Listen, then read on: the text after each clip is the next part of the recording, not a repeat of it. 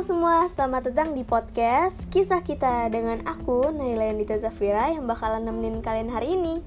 Jadi, hari ini aku bakalan bahas tentang friendship nih. Pasti banyak di antara kalian di tahun 2020 kemarin yang ngalamin temannya satu persatu hilang.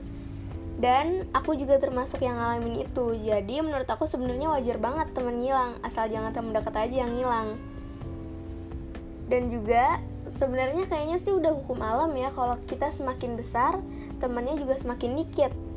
Pasti juga di tahun 2020 kemarin kita bisa tahu yang mana yang benar-benar teman yang selalu ada buat kita.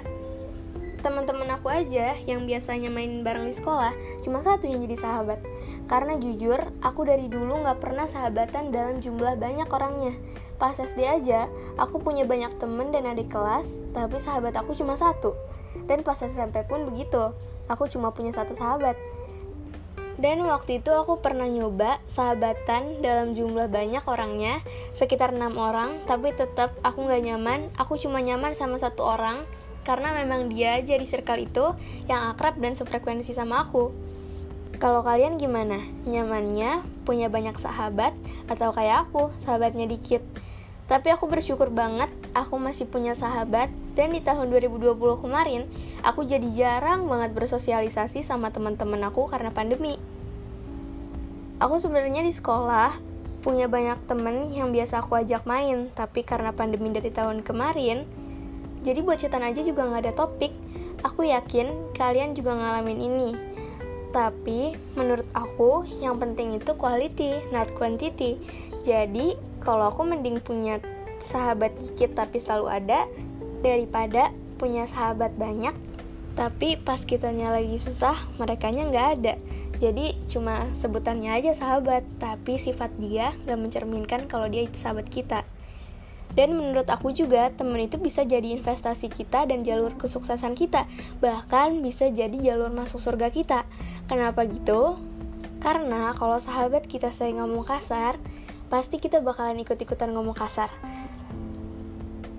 Karena kita udah terbiasa bergaul dengan orang yang seperti itu, dan kita sering dengar dia ngomong itu, ngomong kasar ini juga berdasarkan pengalaman pribadi aku dan banyak juga orang yang ngalamin kayak aku.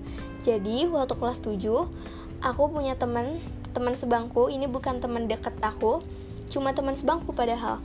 Tapi karena aku sering dengar dia ngomong kasar, jadi aku ikut-ikutan ngomong kasar, bahkan dulu jadi sering ngomong kasar. Tapi alhamdulillah kebiasaan itu udah aku hilangin, jadi sekarang udah hilang suka ngomong kasarnya Makanya itu, teman bisa jadi jalur masuk surga atau neraka kita tergantung perbuatan apa yang kita lakuin. Yang kedua, teman itu bisa jadi jalur kesuksesan. Kenapa? Karena pikiran kita ini sebenarnya bisa didoktrin loh sama mereka sama teman kita sendiri. Makanya penting banget nih dalam memilih teman.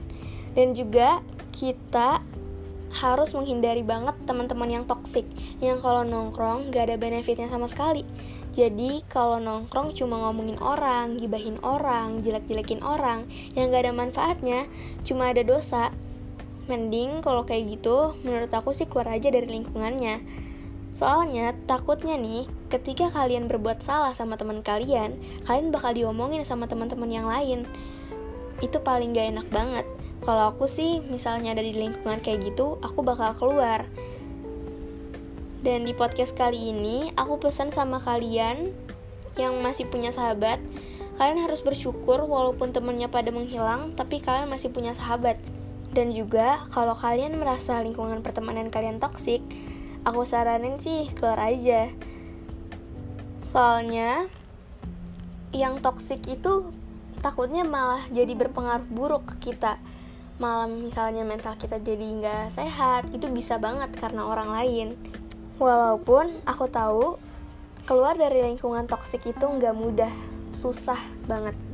Nah buat kalian nih yang belum keluar dari lingkungan toksik pokoknya kalian harus semangat someday pasti kalian bisa keluar dari lingkungan toksik itu dan juga yang belum punya sahabat kalian harus yakin someday kalian benar-benar punya sahabat yang sejati yang selalu ada buat kalian. Oke, segitu aja untuk podcast kali ini. Jangan lupa follow Instagram aku at Naila A-nya 2 Zafira dan juga follow Instagram at tempatku bercerita karena di Instagram tempatku bercerita kalian bisa lihat hasil foto-foto aku dan quotes-quotes aku. Makasih banyak yang udah luangin waktunya buat dengerin podcast aku. Semoga podcast aku bermanfaat dan semoga kalian enjoy dengerin podcast aku berikutnya. Have a nice day semua.